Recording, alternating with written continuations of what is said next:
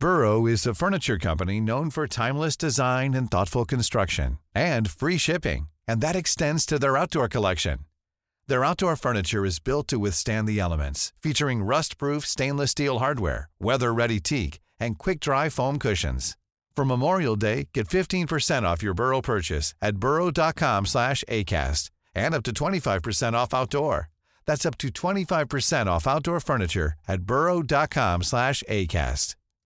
Millions of people have lost weight with personalized plans from Noom, like Evan, who can't stand salads and still lost 50 pounds. Salads, generally, for most people, are the easy button, right? For me, that wasn't an option. I never really was a salad guy. That's just not who I am. But Noom worked for me. Get your personalized plan today at Noom.com.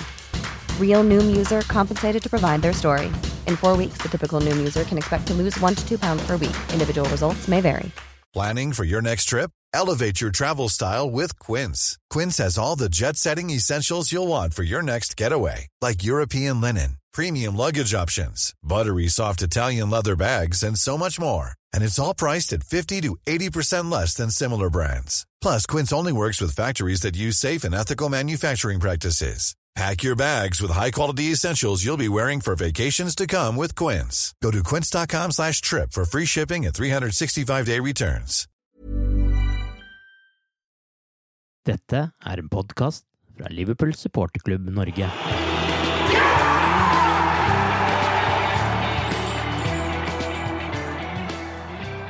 Fra overbevisende forestilling mot Leicester til misbruk av muligheten til å avgjøre Champions League-gruppa mot Atalanta.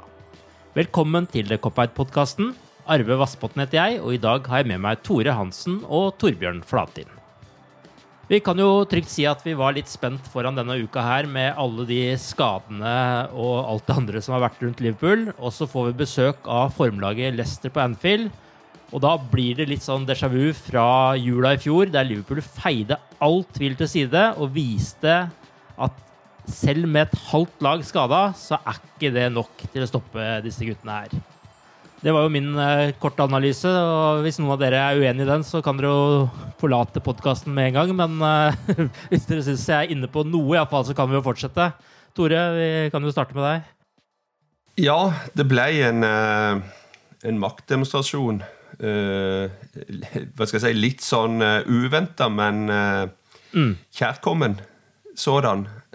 mot et lag som har gjort det veldig, veldig bra. Og jeg syns de som Altså, det viser litt av den styrken Liverpool har, den enheten, den trua laget, spillerne har på hverandre, systemet, Jørgen Klopp. Alt det som har vært bra, som kjennetegner Liverpool de siste årene, liksom komme ut i, på en måte i en og samme kamp, litt sånn uten at du forventer det. Og det, mm. det, ga en eh, Ja, det ble en veldig god følelse. Og, og vi møtte jo et Leicester-lag som eh, eh, har gjort det veldig bra. Har vunnet samtlige bortekamper denne sesongen før de kom på Anfield. Og det inkluderer Emirates, Ellen Road og Etiad. Så um, meget, meget sterk seier. Det, det, det, det vet vi jo alle nå i ettertid. Ja. Da får du være med videre i podkasten. Torbjørn, eh, hva mener du Liverpool lykkes eh, bra med i den kampen? Nei, altså det var jo, du, du var jo inne på det. altså Den kampen mot Leicester i forrige sesong, det var rett etter VM i Qatar. Mm. Eh, og, og, hvor det var eh, jeg, jeg, tror veldig mange lurte på åssen eh, laget kom til å håndtere det.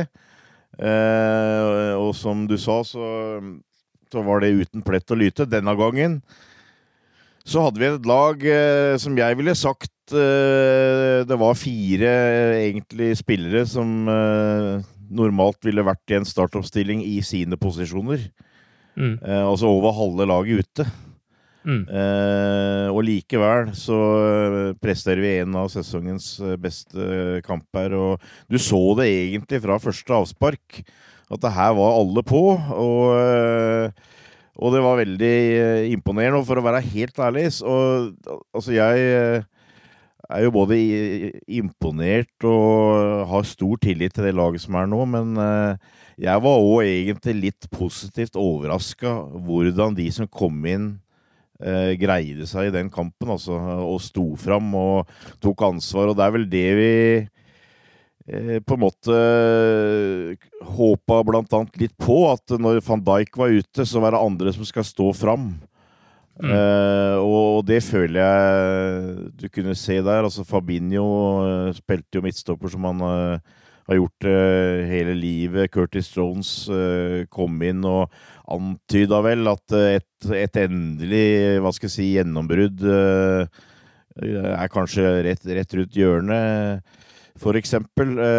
og vi, har, vi mangla eh, Mo Salah, eh, men allikevel så greide vi å, å, håndtere det eh, med at Yota kommer inn ved siden av Firmino og Mané. Så det, det var Det var en maktdemonstrasjon, som Tore sier, og det ga en veldig god følelse. og det er klart, dette, dette blir et veldig spesielt år framover. Og, og, vi har fått en, en tung start, men uh, at vi skal være med å kjempe, det, det, følte jeg meg helt overbevist om etter den kampen der, i hvert fall. En, en, en liten uh, refleksjon der i forhold til alt som er skjedd etter Gudesund Park, holdt på å si. og nå er det kanskje et par uker siden vi snakka veldig mye om van Dijk, men liten brannfakkel. Alison, er han viktigere bak oss der enn van Dijk? Ja, det, det, er absolutt mulig å si det, altså. Eh, det, det, det, jeg jo var redd for uh, i, i gåseøyne eh, når det gjaldt van Dijk, var at Liverpool igjen skulle bli mer sårbare på det litt fysiske. Uh, høye baller inn i feltet, møte lag som utfordrer med duellspill, slår baller inn i feltet og sånt noe. I hvert fall foreløpig så syns jeg jo det har vi takla bra. Uh, egentlig. Uh, altså, Alison er uh, veldig viktig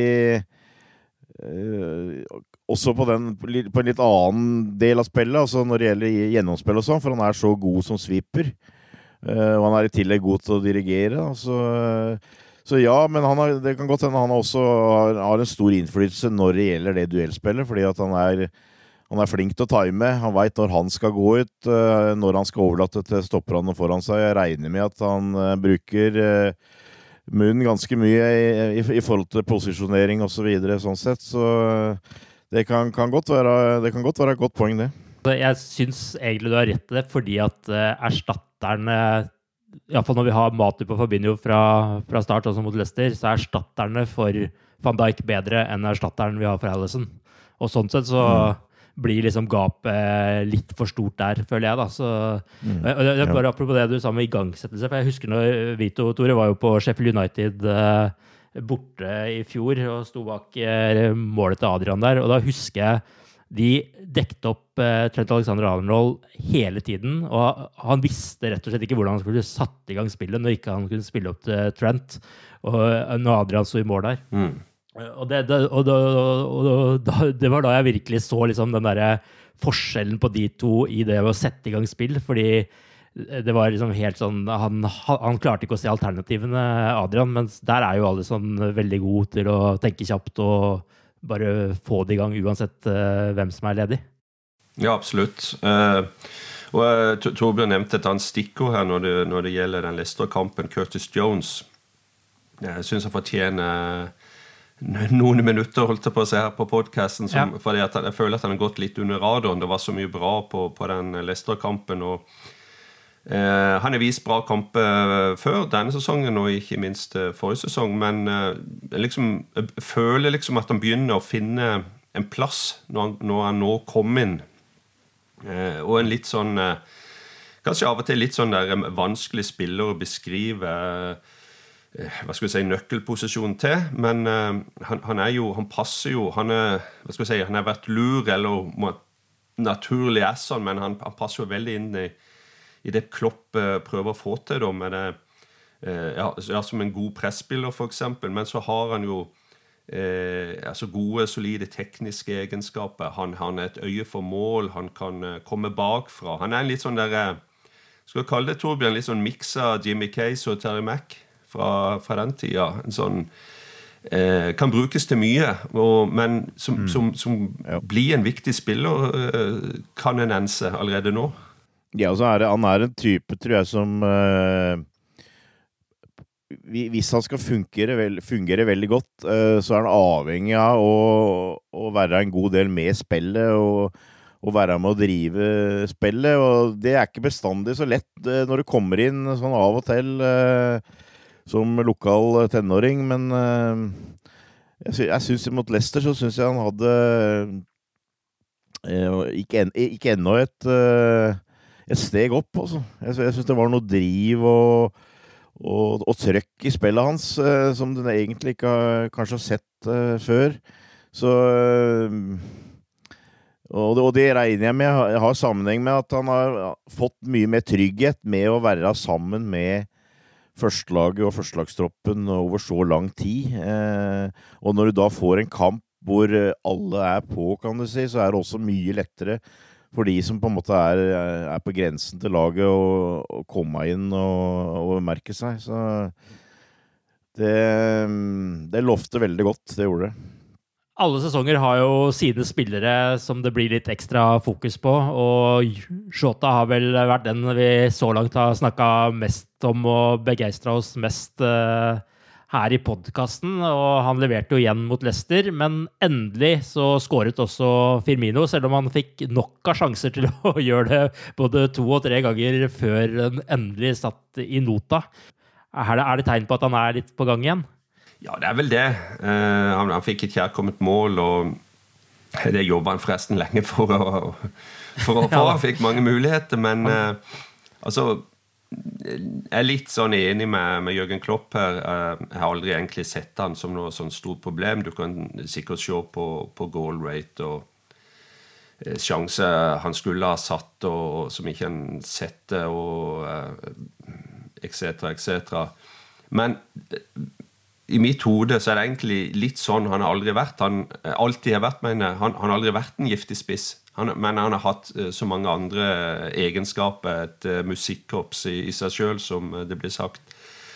Og, og, det er der jeg setter han i, i, den settinga han har, den plassen han har på laget. Og så har det vært Mané og Salah som på en måte har, har skåret målene og, og, hatt den jobben. men selvfølgelig Eh, han er en spiss, er, og, og, det går selvfølgelig an å kritisere han for ikke å skåre nok og, og for ikke sette sjanser han kommer til, og alt det der. Og han har hatt en, en eh, kanskje en formdipp og, og, litt sånt. eh, så, så, for all del, han, eh, han, han, eh, han kan kritiseres, han som, som alle andre, men jeg, jeg ser ikke helt den av og til ekstreme svartmalinga som Eh, som er kommet mot, han, mot han. Eh, jeg føler at eh, han fortsatt er en veldig, veldig viktig spiller for oss. og kommer til å være det en sesong eller to til. Men selvfølgelig det er det spørsmålstegn her òg, som det er, Vi har fått inn en Yota som har gjort eh, veldig veldig bra. Skårte sitt åttende mål for, for klubben. Han, er, han starta kun eh, sju kamper. og eh, og setter press og gir muligheter og kan eh, gjøre at vi kan variere mer. Og det, det er bare bra for eh, konkurransen og bra for å, å presse Firmino til å uppe spillet sitt og til å, til å forstå at uh, det er ingen som er fast plass på det laget, selv om uh, mm. han er, er, og har vært hele tida en av Manosons eh, store favoritter. Det er vi ikke noe tvil om. Så um, jeg, jeg, gleder meg til å se Firmino utover sesongen. Jeg tror han eh, eh får beholde plassen eh, selv om eh, det er utfordrere her. Og jeg er litt spent sånn som på, på lørdag, og hva eh, han kommer til å gjøre om han spiller med eh, både system og hvem han spiller med på topper. Om han kjører de vanlige tre, eller om han tør å, å kjøre fire igjen, f.eks. Mm. så ja, det, jeg, ser, jeg, ser, egentlig bare det som en, som en gledelig utfordring eh, Jørgen Klopp har nå. Ja, Han er jo utvilsomt en av de viktigste spillerne under Klopp. eh, Men er det urettferdig å måle han i antall eh, mål, eh, Torbjørn? Ja, det kan du nok si. Eh, Nå, nå eh, sitter jeg med sånn liten følelse at jeg kommer til å på en måte rep representere de som svartmåleren, på en måte. Da, for at Ja. jeg har egentlig gitt lyd for at jeg syns det var fortjent at han eh, blei satt ut her. Mm. Eh, men jeg føler jo ikke at jeg driver og svartmaler den. Eh, det er bare at han har hatt en peri- periode under pari. Han har virka litt sliten, syns jeg. Mm. Eh, og jeg har egentlig aldri vært bekymra for den, eller hatt noe problem med at jeg ikke tror at han skulle bidra og sånt noe. Men jeg, jeg, syns, jeg, jeg syns jo med handa på hjertet at han i perioder nå i de siste månedene ikke har prestert nok til å kunne eh, si at uh, han ikke var moden for, for en liten pause. Eh, så ser du jo den reaksjonen, ikke minst blant lagkameratene hans, når han scorer. Eh, hvor glad de er på hans vegne. Eh, og det er en sånn type som har altså, han, er, han er en spiller det er veldig lett å, å like. Og, og ja, jeg, jeg, jeg er for så vidt enig med deg at det blir, det blir feil å måle på antall skåringer, sjøl om antall skåringer eh, som for tross alt en angreps, angrepsspiller har vært nokså lavt. Det må du jo innrømme siste året. Ja. Eh, men altså, for, for meg, altså, jeg, jeg føler jo ikke at jeg har svartmalt, men altså, jeg, jeg syns eh, det har vært uh, fair å, å si at uh, jeg syns han har ligget under det nivået han var på, og at, at når det kommer inn en spiller som Yota, så, så fortjener han å, å komme, komme inn for ham. Og så blir det, blir det, som Tore sier nå, veldig spennende hva Klopp gjør. Jeg syns jo This Mother's Day, celebrate the extraordinary women in your life with a heartfelt gift from Blue Nile. Whether it's for your mom, a mother figure, or yourself as a mom, find that perfect piece to express your love and appreciation. Explore Blue Nile's exquisite pearls and mesmerizing gemstones that she's sure to love. Enjoy fast shipping options like guaranteed free shipping and returns. Make this Mother's Day unforgettable with a piece from Blue Nile. Right now, get up to 50% off at BlueNile.com. That's BlueNile.com. Since 2013, Bombas has donated over 100 million socks, underwear, and t shirts to those facing homelessness. If we counted those on air, this ad would last over 1,157 days. But if we counted the time it takes to make a donation possible, it would take just a few clicks. Because every time you make a purchase, Bombas donates an item to someone who needs it. Go to bombas.com slash ACAST and use code ACAST for 20% off your first purchase. That's bombas.com slash ACAST, code ACAST. Burrow is a furniture company known for timeless design and thoughtful construction, and free shipping, and that extends to their outdoor collection. Their outdoor furniture is built to withstand the elements, featuring rust-proof stainless steel hardware, weather-ready teak, and quick-dry foam cushions. For Memorial Day, get 15% off your Burrow purchase at burrow.com slash ACAST and up to 25% off outdoor. That's up to 25% off outdoor furniture at burrow.com slash ACAST. Hey there, it's Michelle Norris. I'm host of a podcast called Your Mama's Kitchen. When I travel, I'm usually looking for a way to find a taste of home when I'm not at home. And one of the things I love to do when I am at home is entertain. And Airbnb allows me to do that. When I was in California recently, I rented a house that had a great kitchen. And when we were sitting around the table, we're all thinking, we're in someone else's house. Someone could be in all of our homes as well. If you have a home, but you're not always at home, you have an Airbnb. Your home might be worth more than you think. Find out how much at airbnb.com/slash host. I'm Sandra, and I'm just the professional your small business was looking for. But you didn't hire me because you didn't use LinkedIn jobs. LinkedIn has professionals you can't find anywhere else, including those who aren't actively looking for a new job but might be open to the perfect role, like me. In a given month, over 70% of LinkedIn users don't visit other leading job sites. So if you're not looking on LinkedIn, you'll miss out on great candidates like Sandra. Start hiring professionals like a professional. Post your free job on linkedin.com/people today. det, de tegner du har fått foreløpig, er jo at eh, Liverpool stort sett fungerer best med 4-3-3. eh, og da kan du si han har et problem med, med at han har eh, eh, det er et såkalt hyggelig problem at han har nå fire spillere som kjemper om de tre plassene i utgangspunktet. Mm. Jeg innbiller meg det at eh, det han først og fremst kommer til å gjøre nå, Klopp, eh, det er at han kommer til å rotere mer. Mm. Eh, og eh, noe noe av det eh, som er virkelig bra med Yota, er jo at han kan fylle alle de tre plassene. Mm. Eh, og eh, hvis vi snakker om eh, lørdag mot Brighton, så sitter jeg med en følelse av at han kanskje på en måte det, det, det er et spørsmål han helt sikkert kommer til å få på pressekonferansen før kampen. Og jeg, jeg, sitter med en følelse at han kommer til å på en måte i gåseøyne lure seg unna det problemet ved å la Salah sitte på benken. Eh, fordi han har vært ute, ikke spilt kamper. Han hadde en dårlig kamp i går. Mm. Eh, jeg tror kanskje han kommer til å gi han ei uke til. Eh, Og at han kjører de tre framme som han starta med mot eh, Leicester. Akkur akkurat det er jeg veldig enig i. For uh, Salah i går må jo ha vært en av de dårligste kampene jeg har sett uh, i, i, Liverpool. Han var, han var slurvete. Han hadde ikke noe edge. Han, det, det, var liksom Det var nesten sånn treningskampnivå. Nå var, ble han riktignok mer eller mindre mannsoppdekka. Straks ballen kom ut, han, så, så, så, var det en, en spiller rett i ryggen på han hele tida. Men allikevel han er en spiller som har spilt mot alle verdens beste klubber, alle verdens beste forsvarsspillere, og det var det var veldig veldig tamt i, i går, selv om de på topp fikk dårlige arbeidsforhold. Det leder oss vel naturlig over til den kampen. Da. Jeg håpa vi skulle unngå å prate om den, men det, vi får vel ta det, da. Mot Atalanta så fikk altså Liverpool det største hjemmetapet under Klopp, med 2-0. Det sier jo en del, bare det. Men et tøft kampprogram og skadeutfordringene må vel kanskje ha ligget i bakhodet her når han velger et litt mer reserveprega lag mot Atlanta.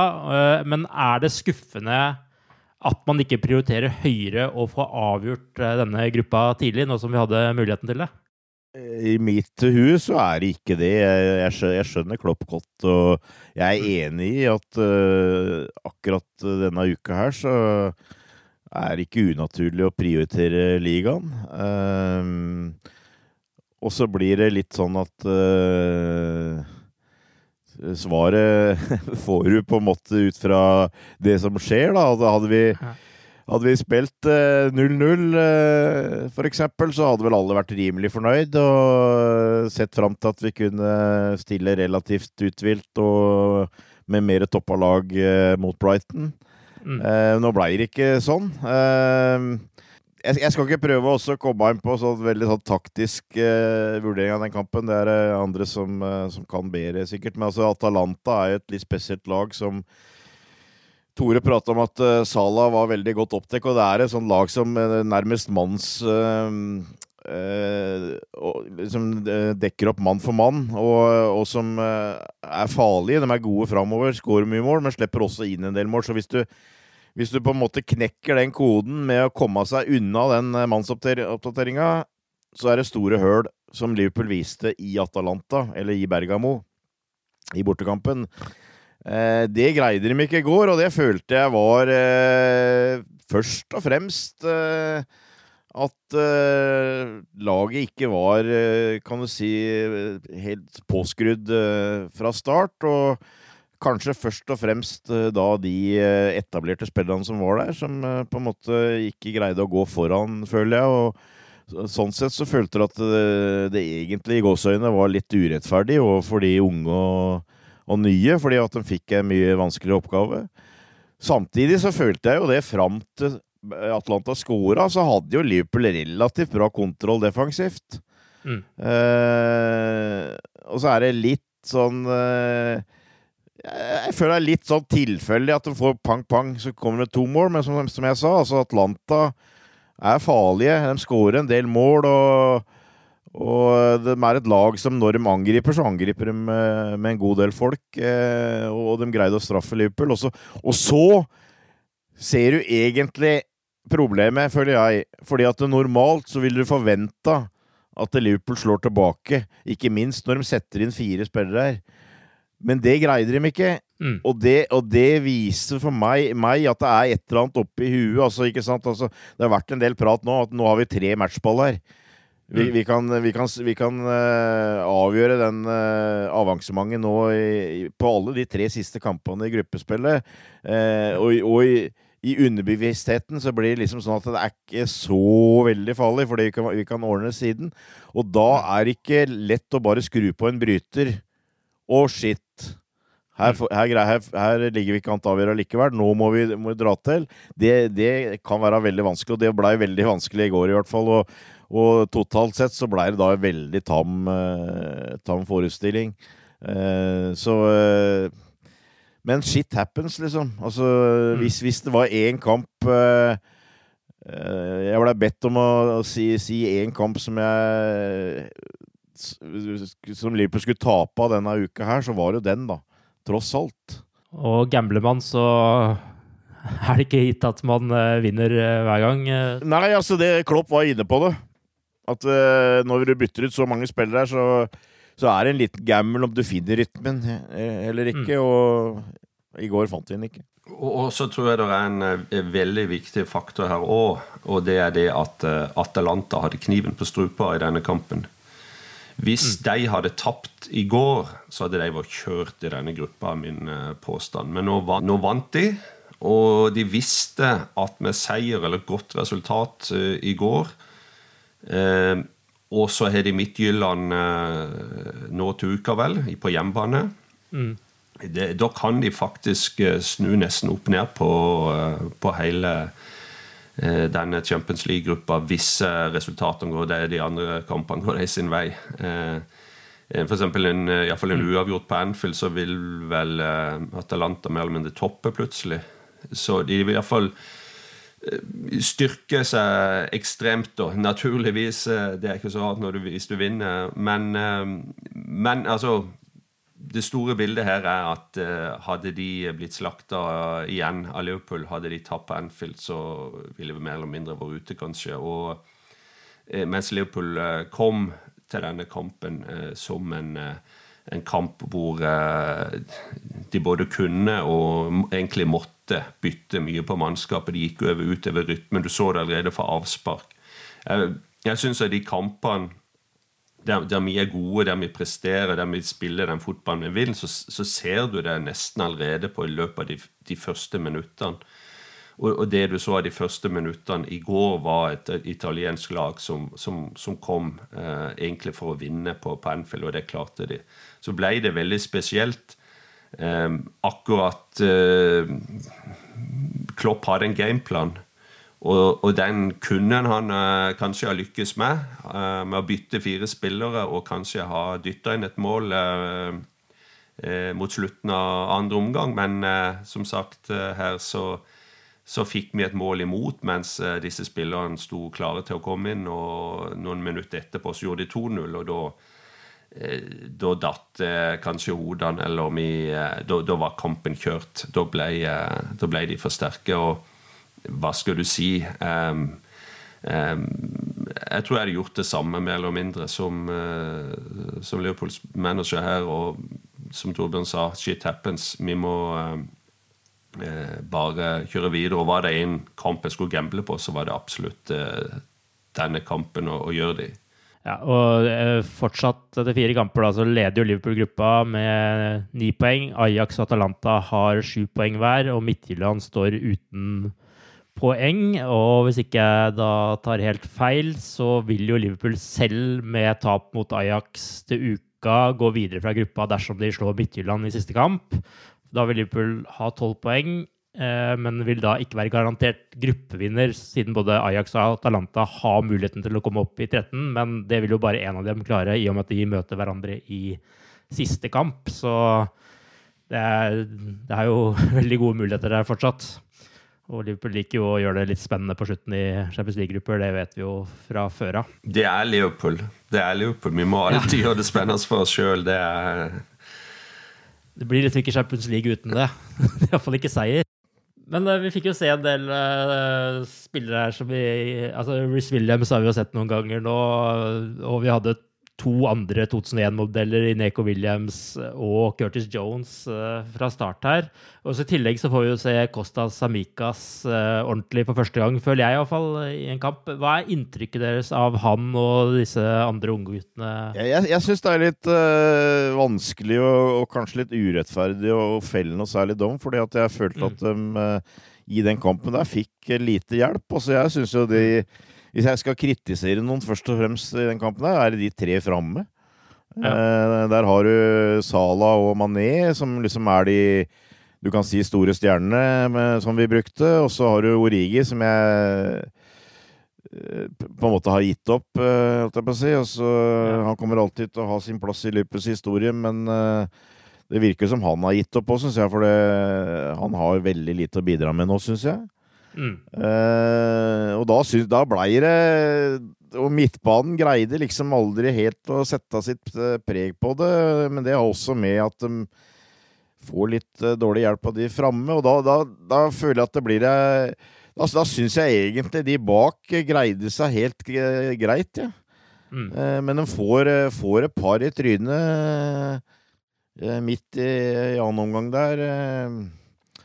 Og eh, uten at jeg syns du kan liksom peke på at det er noen som var noe spesielt uh, dårlig, men samtidig så var det, var det, heller ikke gode forhold til å få vise, vise seg fram. Uh, det, det, som jeg kanskje syns du ser uh, veldig godt i en sånn kamp, da, det er jo at prater om Chemikas og Neko Williams var på andre bekken. Altså du, du ser at uh, du, du, føler at de gjør en, gjør en kapabel jobb uh, defensivt, syns jeg. Uh, greier seg bra. Det er, det er, tross alt Champions League vi prater om, og, og italiensk lag som har kvalifisert seg via Serie A osv. Men, men de er ikke det samme når vi går framover. Mm. du mister noe. Du, du, det var en liten antydning akkurat etter Robertsen kom inn, at det blei litt mer fres uh, framme på venstresida der. Uh, Daua det ganske fort, da, men, uh, men det, det, føler jeg du mister, altså uh, spesielt. at de, de folka som vi har til å dekke opp på bekkene, dem For så vidt kapable folk, men du, du, mister en offensiv kraft der. Mm. Rhys Williams i, i, sentralt i Forsvaret jeg, jeg, jeg, sier sånn tja, altså jeg, jeg, føler jo ikke han er eh, Han har vist seg at han kan komme inn og gjøre en jobb. Eh, det, det syns jeg, men eh, kanskje, du føler vel kanskje at han ikke er helt eh, klar når det virkelig kommer til klingen. Eh, altså at i, de, i, de, i, de, store oppgjøra så vil du helst ha noe mer, mer etablert og rutinert. Men jeg jeg syns det ble helt feil på en måte å, å slakte de gutta der etter, etter den matchen der. Eh, eh Curtis Jones eh, skrøt veldig til Leicester, og det mm. syns jeg var veldig fortjent. Eh, I går så hadde han en mye, mye vanskeligere kamp, og eh, igjen så syns jeg det er liksom vanskelig å liksom sette fingeren på han. Eh, selvfølgelig, hvis han hadde i en sånn kamp greid og gått ut og tatt kommandoen og, og styrt, så hadde du følt ja, her har vi en mm. ny en, liksom, ikke sant? Og det, det greide han vel ikke helt, da.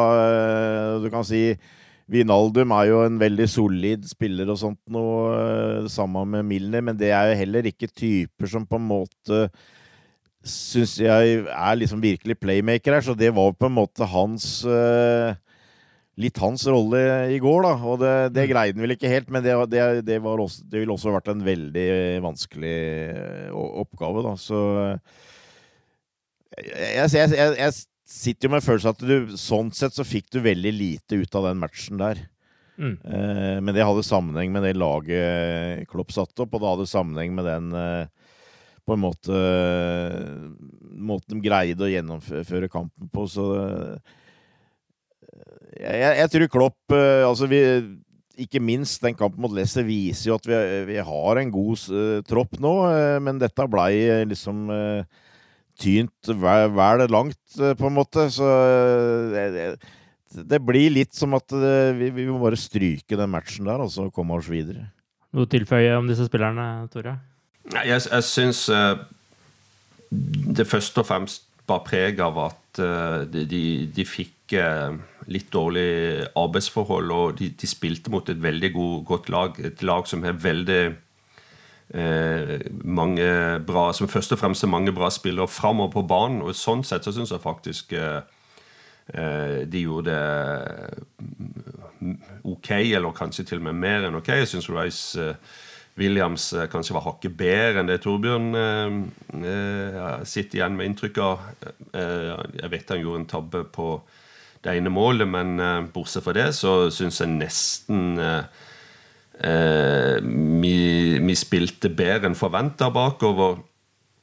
Sjeldent Atalanta spilte seg gjennom, og, og du følte hva skulle du si, at det var bare en god Alison som gjorde at vi hang inn i, i kampen, selv om Atalanta hadde mye ball en periode. Uh, det, blir ofte, de blir ofte stående som stang og måtte avslutte med, med, med, med langskudd. eller avslutning rett utenfor vår 16-meter. Mm. Så egentlig så, så syns jeg Sånn ut ifra det så syns jeg egentlig gjorde en, en, en bra bra, ok kamp, altså.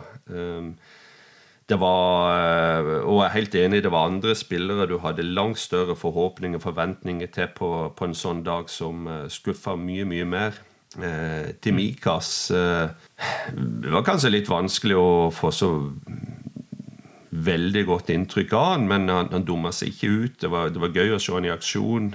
brukbar innleggsfot. Og en bekk som litt som du forventer når, når Klopp kjøper en, eh, en, spiller, at han liker å være borti ballen. og eh, gjorde, gjorde, gjorde, vel egentlig jobben sin, eh, for å si det sånn, da. Men eh, det er jo samtidig så satt jeg og tenkte det er jo litt håpløst, da.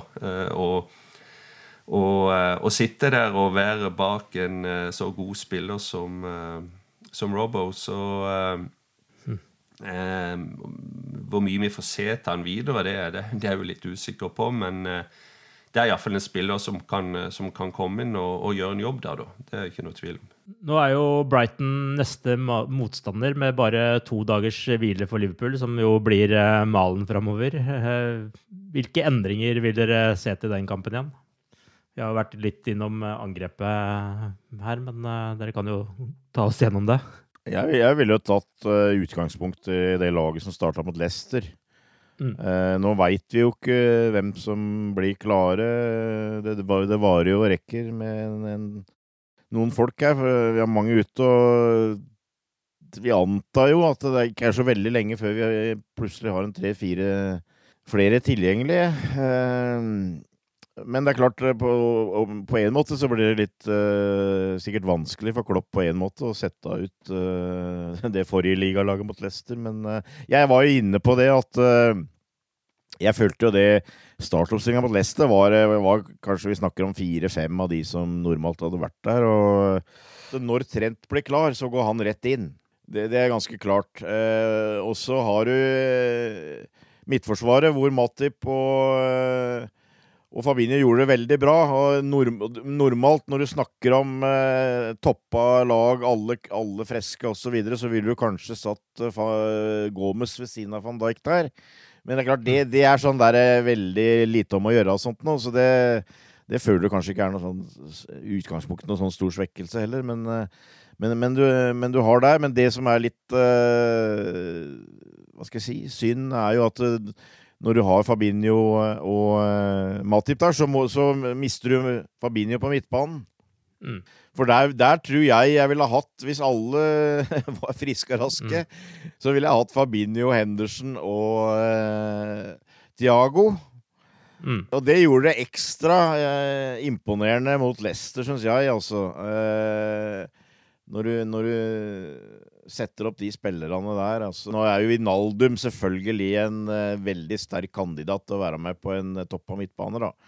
Så det, det, er min personlige mening. Men uh, jeg, jeg, tror det at det som vil skje nå, er at nå er Keita ute med skader. da. og så tror jeg jo kanskje Curtis Jones ikke, ikke, kan forvente å starte i hver kamp, holdt jeg på å si. Altså at han nok egentlig ikke er, er, blant de som eh, er regna i en toppa startoppstilling. Eh, så jeg, jeg, gleder meg jo til å se Tiago, og, og mm. håper han eh, er klar så fort som mulig. Ja. Eh, og Henderson er vel kanskje den som er nærmest, jeg veit ikke. Sitter mm. med den følelsen at han er kanskje den som er eh, mest sjanse for å, å, få tilbake mot Brighton. Eh, og da går jo Hendo rett inn. Eh, også, som jeg antyda i stad, altså så, så, har du i utgangspunktet fire stykker som kjemper om de tre fremste plassene. Eh, tror jeg, for jeg, som sagt, jeg, jeg, tviler på om han eh, justerer noe særlig på formasjonen. Jeg tror han kommer til å Nå snakker jeg om Klopp. Eh, bruke 4-3-3. Og jeg, jeg, har Jeg kan se for meg at han gir de tre mot Leicester sjansen fra start igjen, og heller la Mo Salah sitte på benken en kamp. der kommer han ikke til å sitte lenge. Så, så, det blir jo litt spennende å se. Men det, det, må, jo være et, det må jo være et såkalt hyggelig problem. At du, du, har fire gode spillere som kjemper om de tre plassene. Så, så, så men, men, jeg, men, jeg, tror malen vil være, være det laget som spiller, spilte mot Leicester. Og så må du bare da se hvis, når, hvis Trent eh, nå blir vel neppe han klar, da, men du har han, du har Henderson, du har Tiago. Det er spillere som vil, som vil gå inn, tross alt. Uh, så eh, jeg, jeg, tror ikke Klopp har så veldig mye å gruble på egentlig over det, over det laget. Altså, det må jo være kanskje de tre framme, da. For på høyrebekk, der fortsetter du med Milner hvis Trent ikke blir klar, eller vil du ha en Eko Williams der? Nei, det, det, tror jeg. Altså, James var jo veldig bra, syns jeg, mot Leicester. Ja. Det er klart han kan gjøre en solid jobb på midtbanen, og James Milner, men uh, ut, ut, fra sånn som situasjonen er nå, så ja, definitivt. Jeg vil kjøre fortsette med Milner som eh, vikar der. Hvordan eh, ser ditt lag ut, eh, Tore? Nei, Jeg er nokså enig med Torbjørn på topp, da.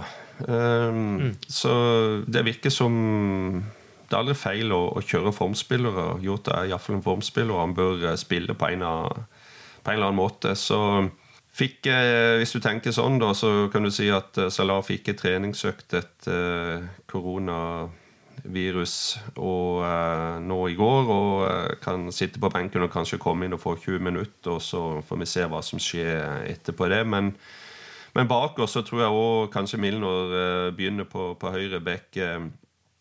Andy Robbo selvfølgelig på venstre, og så får vi håpe Matip kan fortsette eh, som midtstopper. Og, men så er det jo hvem er klar på midtbanen?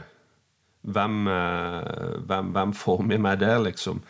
For, det, for ja. det, det, betyr jo litt hvordan den kabalen går opp. Og jeg er veldig usikker på Tiago. Altså, jeg syns det er lenge siden vi har hørt noe konkret på status ja. der. Og jeg frykter jo, eller tror vel egentlig, at ikke han eh, er klar, rett og slett. og da, da, da, da spørs det jo og Curtis Jones eh, gjorde det bra mot Leicester. Eh, du må forvente at det, at det svinger litt for en unggutt. Jeg så, jeg så forresten Times skrev i dag at det var første gang siden 2011 at et britisk lag hadde tre britiske tenåringer på, på en startoppstilling i Champions League. Så ja en digresjon, men eh, Og det er òg tre akademiprodukter. Eh, så mm. det, det, er jo Det er veldig gøy. Eh, men altså Jones kan godt spille fordi at vi mangler spillere, men kanskje ideelt sett så, så har han fått en tur på benken hvis hva skulle du si, mer rutinerte spillere er klar. Det er jo selvfølgelig òg mulig å, å, kjøre en Philips eller noe sånt bak og kjøre Fabinho opp på midten. Men det tviler jeg vel egentlig på. Det, det fungerte veldig bra med Matip og Fabinho. Så selvfølgelig går det an å kjøre, kjøre Milner opp uh, uh, på midten og, og, og Williams uh, på, på høyre bekk. Så det er, det er, noen options der, men, eh, men, jeg er helt enig i utgangspunktet i den Leicester-kampen. Det, det, det tar, tar, jeg gjerne. Men når jeg ser på lagoppstillingen fra Leicester-kampen, hvor du har Jones, Vanaldum og Keita på midtbanen, så blir Keita skada. Og da har vi altså en skadeliste på midtbanen hvor Oxlade Chamberlain er skada, Tiago er skada, selv om det er håp om at han kan komme tilbake. Eh, Henderson er skada. Vi vet ikke hvor lenge han er tilbake. i Om at det er ryggskader, så kan det være alt mulig rart. Han kan jo komme seg til Barcelona, for alt vi vet. Men uh, det er liksom ikke spillere igjen nesten på midtbanen. Og er det ikke da på en måte Altså hvis ikke Henderson er tilbake, da. Uh, mm. Da står du igjen egentlig med Jones og Wijnaldum av av uh, midtbanespillere hvis du da ikke ja, hvis du ikke bytter Milner inn eller Fabinho opp. Mm, ja. Er det ikke da egentlig Men si, da, hvis Henderson kommer tilbake, da, eller en av disse kommer tilbake, er det ikke da litt for fristende å bruke Wijnaldum og, og Henderson uh, på midtbanen, og så kjøre en uh, eh, 4-2-3-1-variant for å da få plass til alle de fire på topp, og på en måte løse den midtbanefloka? Jeg, jeg, ser, jeg, ser, den også, at det, det er en limit der, kanskje. Uh, men uh, bare i, ma i magefølelsen min er at det hender som kommer tilbake. Men uh, hvis ikke, så kan det godt hende at det er noe Klopp vurderer. At han, han, kjører to der og, og, kjører tre bak en spiss, kanskje. E, eller et annet system. Uh, 4-4-2 er jo mulig, mulig, å bruke i en eller annen eh, i en eller annen variant der, så det, det, kan, mm. det, det kan, hende, Arvas. Det, det, veit jeg ikke. Men, men det, er klart, hvis du skal bruke Shakiri eller Minamino eller noe sånt, så da må du nok eh, se på å justere mm, formasjonen noe. Da. Det, det innbiller jeg meg at uh, Klopp kanskje helst vil slippe, men uh, men det er klart, vi har, vi har, vi har mange muligheter der. Men jeg, som, jeg, som jeg, sier, jeg, tror det har veldig mye å uh, avhengig av hvilke som er tilgjengelig. Jeg tror egentlig ikke eh, manageren har noe veldige problemer å ta ut. Det blir bare Problemet er hvem som uh, blir, blir spilleklar, egentlig. I Premier League nå så er det jo Tottenham og Liverpool som uh, ligger på topp med 20 poeng. Chelsea og Leicester to poeng bak der. Og så er det sju og åtte poeng uh, ned til uh, Manchester-lagene, som ligger et stykke etter, da, men har én kamp mindre spilt. Har det endra seg noe i deres hode hvem som er den største utfordreren til Liverpool nå, gitt Manchester Citys start på sesongen? Ja, Det er jo overraskende at de har slitt så mye som de har gjort. De har jo variert uh, utrolig i uh, prestasjonene og uh, syns de var uh, tamme mot, mot Tottenham. Um, mm. Spilte en bra kamp vel mot oss etter hvert. Så det er litt sånn Du føler litt med tanke på forrige sesong òg, hvor, hvor, hvor, hvor, står de egentlig? De har jo masse bra spillere for all del og alt sånt, men liksom Um, også er stemninga innad i, i, klubben, i troppen, i laget. Uh, har, de, uh, har, de, nok tro på det de driver med? Det er, er iallfall noe der som du, du, kan sette spørsmålstegn med, men uh, for all del, de, kan, de, er samtidig et lag som først plutselig kan sette i gang en run på ti kamper der de vinner ni og spiller en uavgjort, og så er de ledige omtrent igjen. så jeg syns det er litt tidlig på en måte å, å, å, konkludere, men spørsmålet var vel om du følte at eh, noe hadde endra seg i styrkeforhold der i toppen. og Tja, eller ja, det, det, det har vel egentlig eh, litt det. Tottenham hadde vel ingen forventa skulle være helt oppe der. Eh, kanskje ikke så mange andre store overraskelser. Leicester henger med. Eh, spørsmålet er hvor lenge. Chelsea hadde vel alle forventa oppe der.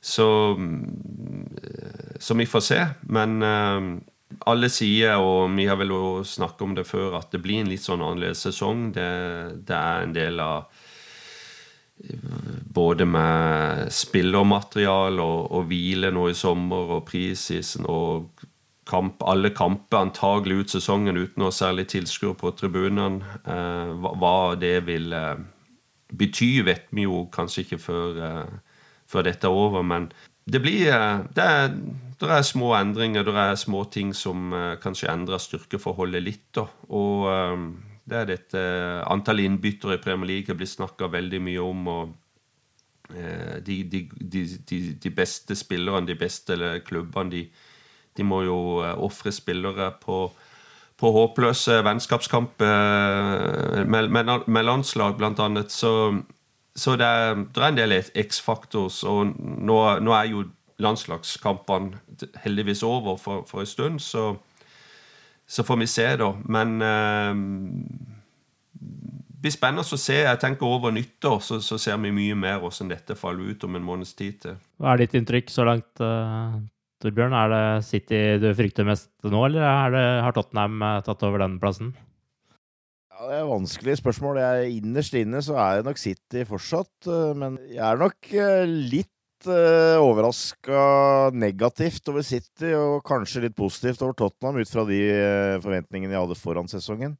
Mm. Jeg syns Tottenham har fått, fått mer fasong jeg kanskje trodde. Jeg syns de har hatt et godt transfervindu. Men jeg føler jo kanskje at i forhold til City og Liverpool, så på meg virker de litt mer sårbare i forhold til skade på enkelte posisjoner og sånn. Men, men, absolutt, de, de har vært på et høyere nivå enn jeg trodde, kanskje. Jeg er ikke lei meg for det, men jeg syns kanskje Manchester United har blitt, det har vært dårligere enn jeg trodde. Mm. Uh, når det gjelder City, så uh, jeg, jeg, føler jo fortsatt at City, toppnivået til City er det beste i tillegg til Liverpool. Det, det syns jeg, men uh, Eh, for, for, meg så har det vært litt sånn at uh, de, de, har mista tre uh, Eller de har mista Company, de har mista David Silva, og de har stort sett hatt Aguero Eller de har hatt Aguero ute i ganske store perioder, og det, det er tre spillere som jeg føler de merker. og jeg, til tross for at de har brukt hundrevis av millioner på det forsvaret sitt, så syns jeg ikke, fortsatt ikke det sitter ennå, fordi jeg føler at det mangler den store lederen. Og så, og så sliter de faktisk framme hvis Aguero er ute, for de har ikke all verden med erstattere her. Og, og de blir på en måte ganske avhengig av at De Bruyne er i slag, og han har også vært litt skada, så de, de, har fått uh, vi, vi, prater om at Liverpool har hatt mye uflaks, og vi ligger vel helt på toppen der. Men eh, City har hatt en del eh, i fleisen, dem òg. Og de jevner selvfølgelig ut, sjøl om jeg jeg klør meg jo i huet når Klopp sier at det er åtte som kan vinne ligaen. og Jeg, ikke, jeg vet ikke om jeg er enig i det, men det, det, blir nok en langt jevnere sesong enn du kanskje forespeiler deg. Men innerst inne så er fortsatt Liverpool og City de største favorittene for meg. Sist eh, podkast snakket vi om den triste bortgangen til Liverpools keeperlegende Ray Clemens, og onsdag kom nyheten om bortgangen til Diego Armando Maradona. Han spilte aldri for eller mot Liverpool, men det er likevel på sin plass å minnes en av de største ikonene fotballverdenen har sett. Uansett hva han gjorde for å ødelegge inntrykket i årene etter karrieren, så er det iallfall i min bok eh, ingen enkeltspiller som uh, har vekka større kjærlighet for fotball uh, enn det han gjorde når man uh, så han i sin prakt i VM i 1986. Ingen over, ingen ved siden og ingen i nærheten, men det er naturligvis mulig å diskutere. Men hva var deres forhold til Maradona? Ja, jeg, er glad for at du sa det er mulig å diskutere dette, Arve.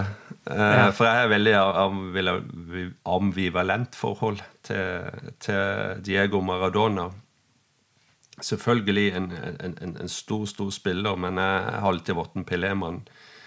Ja. Og, eh, så har jeg vel hatt eh, litt sånn eh, Hva skal jeg si Ja, i oppveksten så var jeg såpass anglofil, da, og det er vel mm. for så vidt ennå, at det var en del ting som, eh, som hang eh, med Maradona i forbindelse med det, etter en spesiell kamp, en kvartfinale. Men ja. det, altså det, er to ting jeg husker han for.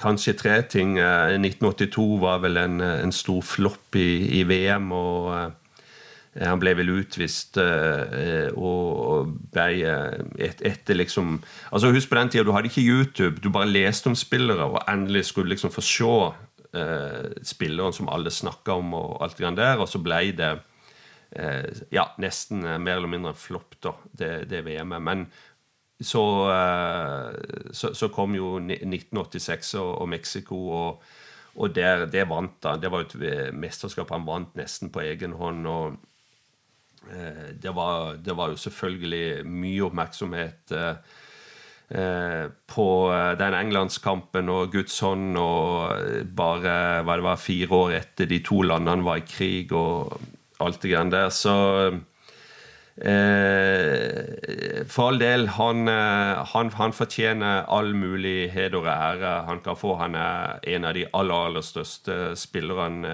gjennom tidene. Men for meg så, så litt sånn ambivalent. Da. Det, og ikke, ikke, den på, øverst på pallen. Men det som jeg vil legge til Jeg syns han gjorde en fantastisk ting når han, når han gikk til, til, Napoli. Det var på en tid hvor Serie A var toppa, proppa, full av, av, toppspillere. Det var vel fortsatt bare lov med tre utlendinger, så vidt jeg husker, i, i, eh, i, i klubbene på den tida. Men på mer eller mindre alle de beste var i, i Serie A. Og han kom til en klubb, han kom til Napoli, som, eh, som ikke hadde vunnet ligaen, og han tok de helt til topps.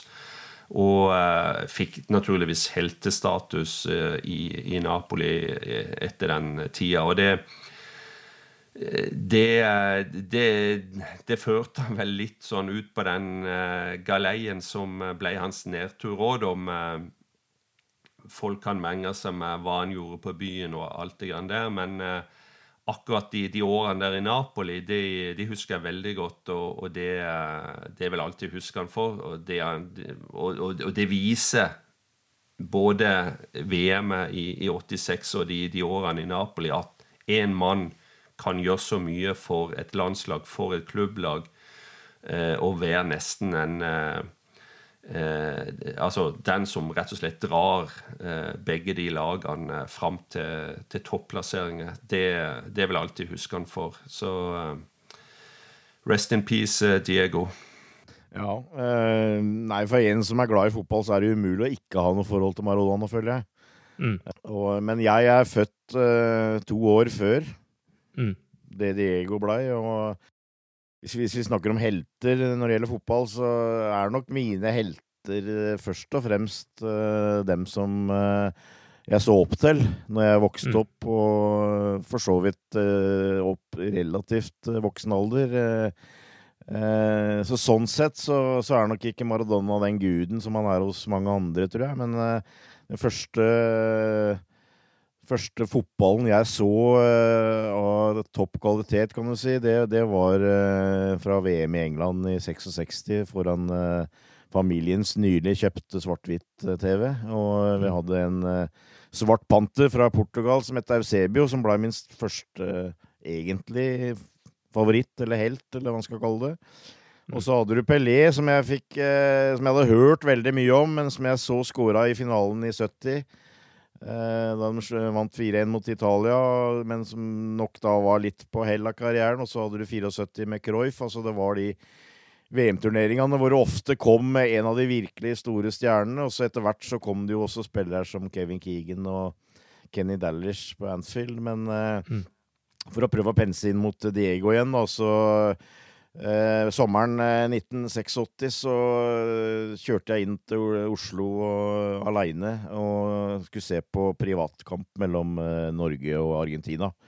Mm. Eh, oppvarmingskamp til VM for Argentina, egentlig. Og jeg veit jo etterpå så fikk jo egentlig Argentina ganske mye kritikk, og ikke minst Maradona, etter at Norge vant 1-0 etter scoring av Kjetil Osvold. Men jeg var dratt innover for å se Maradona, fordi at mm han hadde hatt et litt sånn mislykka alle, alle, kjente til talentet, alle, alle, alle, hørte om navnet, men han hadde hatt litt mislykka inntall i Barcelona. Han hadde ikke kommet med i troppen som 17-årig supertalent eh, i 78-VM. Uh, eh, han var med i 82-VM og ble en fiasko. Eh, sammen med Argentina. Eh, så, så, på det tidspunktet så tror jeg fortsatt det var litt sånn Hvor god er egentlig Maradona? Eh, mm. Og det hadde jeg lyst til inn og se på. Og, men for altså, det, det, det, var en kamp som var en del av oppkjøringa hans til VM. Så at, for å si det på engelsk altså han, He went through the motions. Altså han gjorde det han måtte gjøre, men allikevel Jeg fulgte med han spesielt i den kampen der. Og han mista ikke ballen en eneste gang. Det var en ballkontroll og en oversikt eh, som var helt eh, utrolig. Og i tillegg så var han det som vi på Løkka i Kongsberg kalte fus i alt eh, lagkaptein. Mm. Han var helt sjef på et landslag som Argentina. og så kommer det som gjør at fotballen av og til blir ekstra vakker. At du får en sånn spiller med et sånt talent i en stor turnering, hvor han er Fysisk helt på topp, eh, mentalt helt på topp. Han skulle revansjere det at han hadde mislykka flere ganger før. Og så går han bort og dominerer VM i 86, som ingen annen spiller har dominert noe VM. Eh, og det er jo helt eh, fantastisk. Og det, det, er jeg enig med Tore at eh, det er det du husker han for. Og så er det, er det du husker han for den måten som han forvandla Napoli eh, mm. til å bli eh, toppklubben i Italia, på en måte mot alle odds. Det, det, det, sitter du med en følelse at det var det kanskje bare Diego Maradona som kunne gjøre.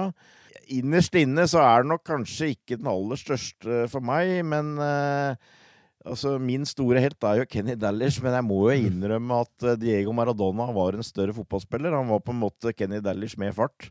Mm. Eh, og eh, hvis du tenker på altså, så, så, er det liksom et spørsmål om hvor mye skal du vurdere lederegenskaper, eh, egenskapene som lagspiller, lojalitet, lojalitet, eh, stabilitet osv. Hvor mye det betyr. Jeg syns jo f.eks. Lionel Messi på en måte over tid har bidratt mer, kanskje. Men hvis du snakker om individuell dyktighet, så tror jeg ikke det er noen som har vært over Diego Maradona. Så, så jeg hvil i fred. Det, han, han stå, vi kommer til å stå innrissa i fotballhistoriens eh, med gullskrift eh, når vi, når vi, tenker på spilleren eh, Diego Maradona. Jeg tilhører en helt annen generasjon. Jeg var ni år gammel da VM ble spilt i Mexico i 1986. Og for meg står det man fikk se den gangen, fortsatt fram som noe av det mest magiske som er vist på TV noen gang og at eh, Maradonas liv ellers var som en såpeopera, vil aldri ta bort den gåsehuden av å tenke på det han gjorde med ballen den gangen. Men takk for minnene. De lever eh, videre hos både meg og mange andre. Og hvil i fred, Diego Armando Maradona. Lørdag klokka 13.30 så er det avspark mot eh, Brighton før en ny Champions League-kamp eh, mot Ajax eh, følger på tirsdag for Liverpools del. Liverpool har jo for vane å gjøre det fryktelig spennende i gruppespill i Champions League. Seieren i 2005 hadde ikke vært mulig uten et sterkt comeback mot Olympiakos, og i 2019 så var vi nær på å ryke ut mot nettopp eh, Napoli. Men da Alison gjorde en kjemperedning som redda gruppespillet den gangen. Nå ser det jo langt bedre ut. Men vi må vente seks dager til eh, for Ajax-kampen for forhåpentligvis å få avgjort dette gruppespillet også. Med det så sier vi eh, takk for denne gangen. Ha det bra. Ha det. Ha det bra. Up to Reds.